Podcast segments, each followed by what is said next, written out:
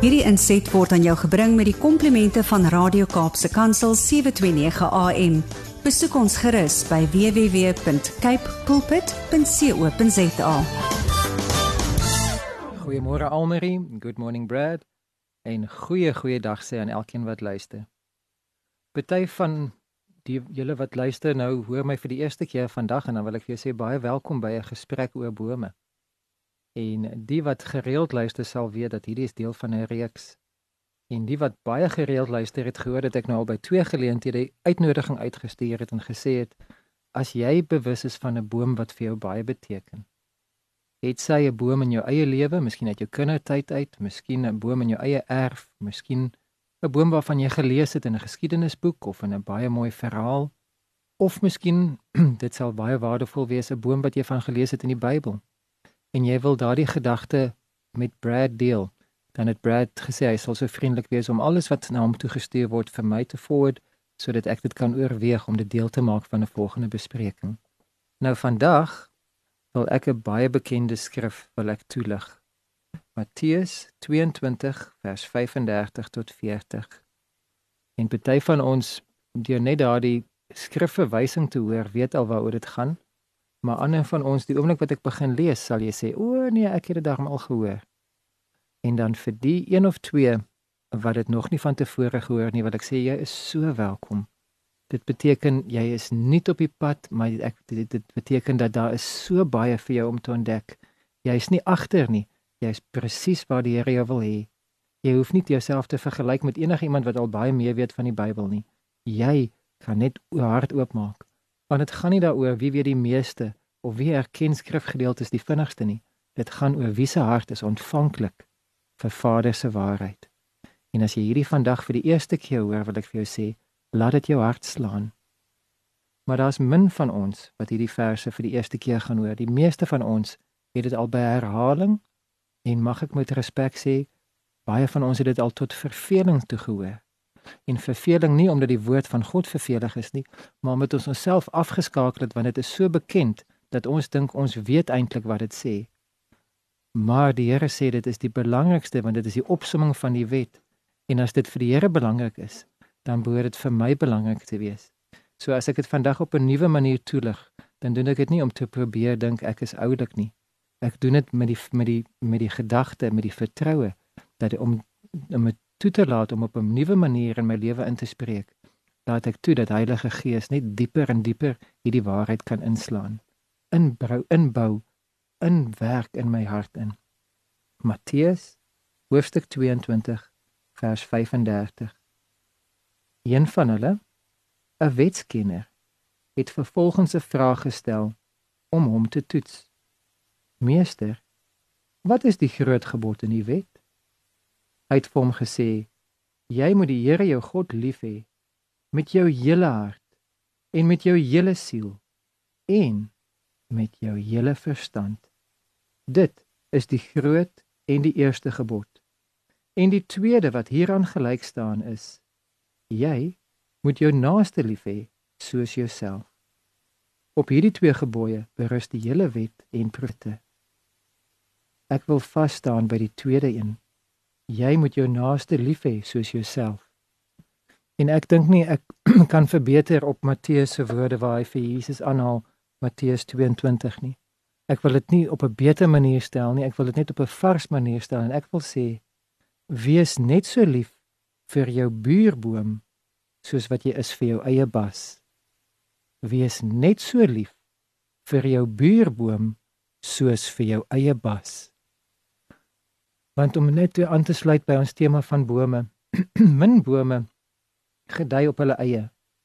Bome is nogal geneig om in 'n groepe bymekaar te kom. hulle van hulle vergader nie behalwe miskien on, dat ons dan nou nie weet daarvan nie, maar hulle vergader nie uh on sit van onwillekeurig nie. Hulle hulle groei in bosse en in woude en in oerwoude. En selfs in die savanna is daar dikwels 'n paar bome wat naby mekaar groei. Die wyd oop vlaktes het hier en daar 'n boom wat enkel en alleen staan en hulle oorleef. Maar ek dink as ek 'n boom was, sou dit vir my aangenaamer gewees het om 'n buurboom te hê met wie ek nou en dan kontak geskuur. Maar die boom het nou nie 'n keuse oor hoe na hoe ver hulle naaste aan hulle self is nie. Maar ons met het so baie naastes in ons lewe. Ons het ons familie, ons het ons kollegas, ons het ons vriende.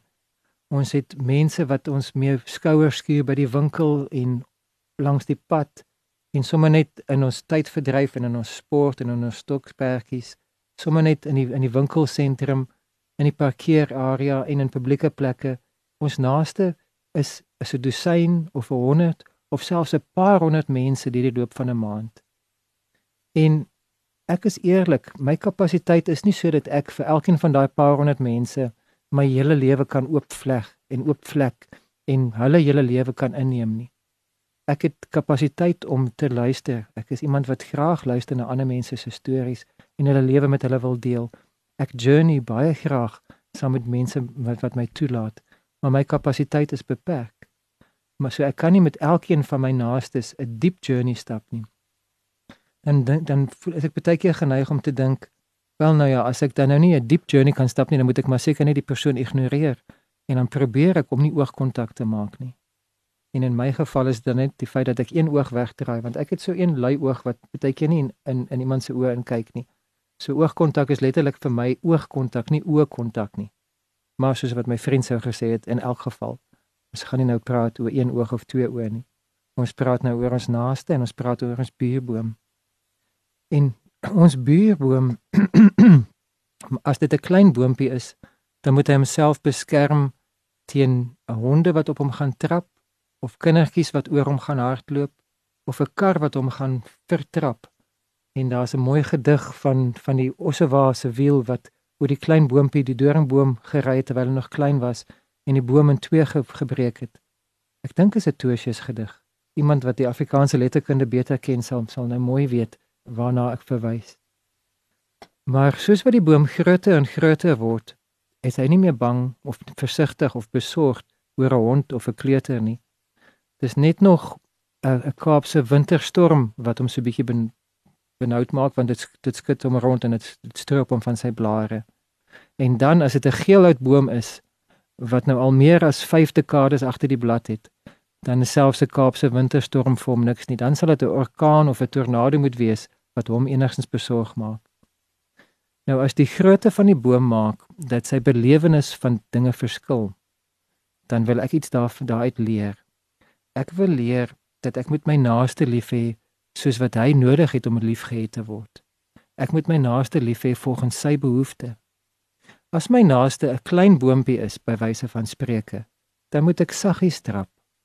As my naaste 'n groot kolos in die bos is, dan mag ek hom aanmoedig en bemoedig en selfs uitdaag en mag ek regtig met hom op 'n ander manier deel en dan kan ek met hom praat oor wat in jou lewe kan ons aanspreek om jou lewe nog meer vrugbaar te maak en ek kan baie indringend en baie uitdagend soos 'n coach sê, nou is jy speel nou al klaar vir die WP, wat gaan dit kos vir jou om 'n Springbok speler te word? Wat how how can you go to the next level? How can you reach down and find what it takes to go into the into a higher place?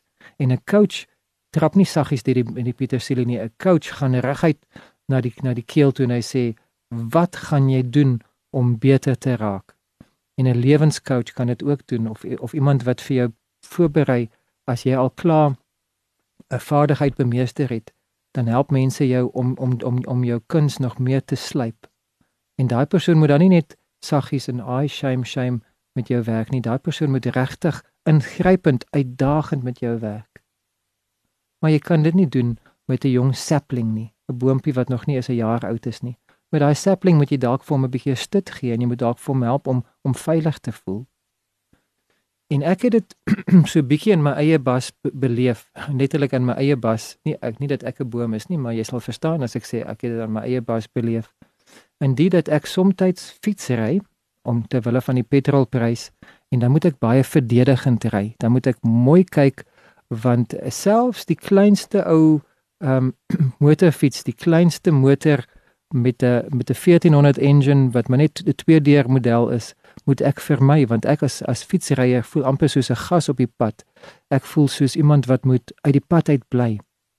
Ander kere dan ry ek 'n klein Nissan of a, of a, of 'n klein Fiat en die Fiat is 'n 1200 en die Nissan is 'n 1400 en dan kan ek so bietjie myself laat geld teenoor fietsryers en selfs motorfietsers so bietjie intimideer.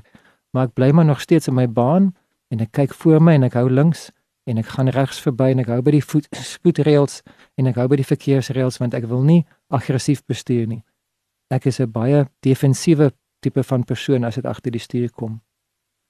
Maar die afgelope klompe maande is ek ook 'n vryskut bestuurder met my kode 10 lisensie en my met my PDP vervoer ek 'n groep studente vir 3 dae 'n week van die koshuis af na na die mediese fakulteit toe. En dan ry ek in 'n Mercedes Sprinter.